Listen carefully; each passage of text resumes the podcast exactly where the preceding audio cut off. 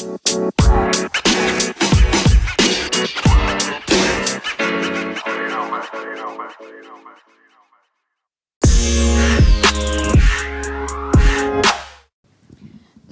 um, what should countries do in response to the current uncertain times? And before I delve into the policy discussion, let me apologize in advance because I set up the slides in a way that doesn't fully work with clickers, so I'll have to go back and forth a little bit just to make sure everything shows up in order. So, obviously, the most important thing one can do to mitigate the economic effects of trade tensions is to diffuse trade tensions. And we the IMF has been advocating for the international community to find a lasting solution to some of the legitimate concerns regarding subsidies, intellectual property, technology transfers, and to come up with a comprehensive international agreement that will make the international trading system much more stable and predictable. But that is not what something individual countries can often affect. It has, it has to be a group effect a group effort. So, what do individual countries do uh, when they are faced with the current global environment?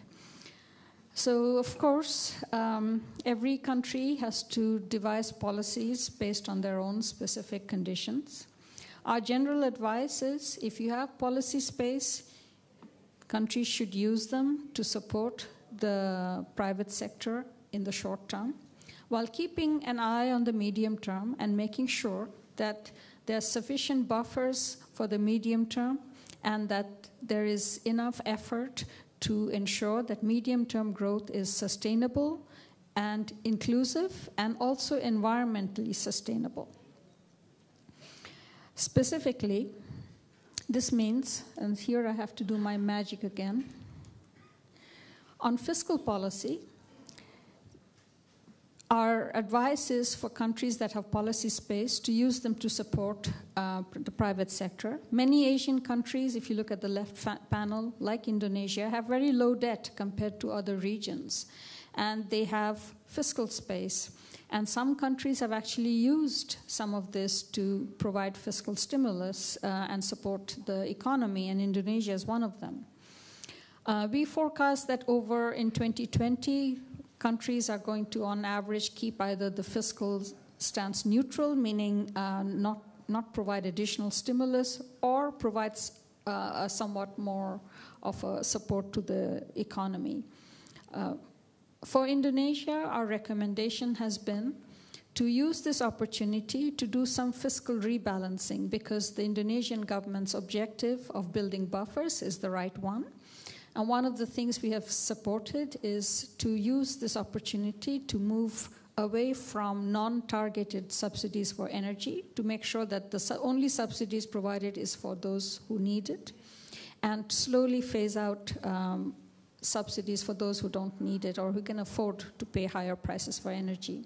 And we also want, uh, have proposed that Indonesia come up with a medium term revenue strategy to raise revenue to GDP ratios above 10% because it needs the revenue to build infrastructure, which is going to help create jobs and improve the business environment. And it also needs the revenue to provide uh, social safety nets to those who are more vulnerable in the economy. Regarding monetary policy, as you can see from the left, many Asian economies have low inflation, like Indonesia. And they have 10 out of 14 central banks in the region have used monetary policy to support the economy already, as has Indonesia. And we think this is highly um, appropriate.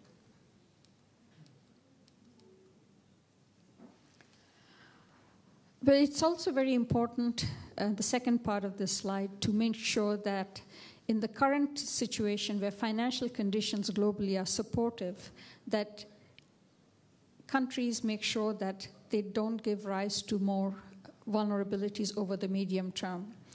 For what does it mean? This means strengthen your regulations, uh, proactively put macroprudential regulations in place if you need to.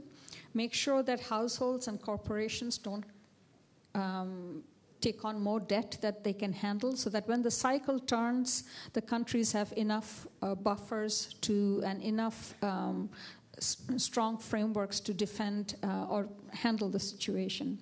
And in, in Indonesia's case, much of this applies as well. But in addition, our recommendation is to improve its crisis management framework so that in the event it is faced with an economic downturn, it does not have to, it has the tools with which to manage financial sector vulnerabilities. The other big point that we are emphasizing is to keep an eye on the medium term and make sure that policies can help build sustainable um, and inclusive growth for the medium term because unless growth and opportunities reach all sections of the population, it, uh, it is very difficult to implement reforms and to grow the economy. And for, for Indonesia, this means creating opportunities for job opportunities for its young and growing population and this then brings us back to um, its medium term revenue strategy that it needs to collect enough revenues to be able to put in place the policies that will improve its labor product market and financial markets and provide increased female labor force participation and labor force participation for the young. Um, with that, let me highlight the main, summarize our presentation, which basically makes three key points. Namely, that Asia remains an engine of growth and will contribute 70% of 2019 global GDP growth, despite the fact that it's slowing down.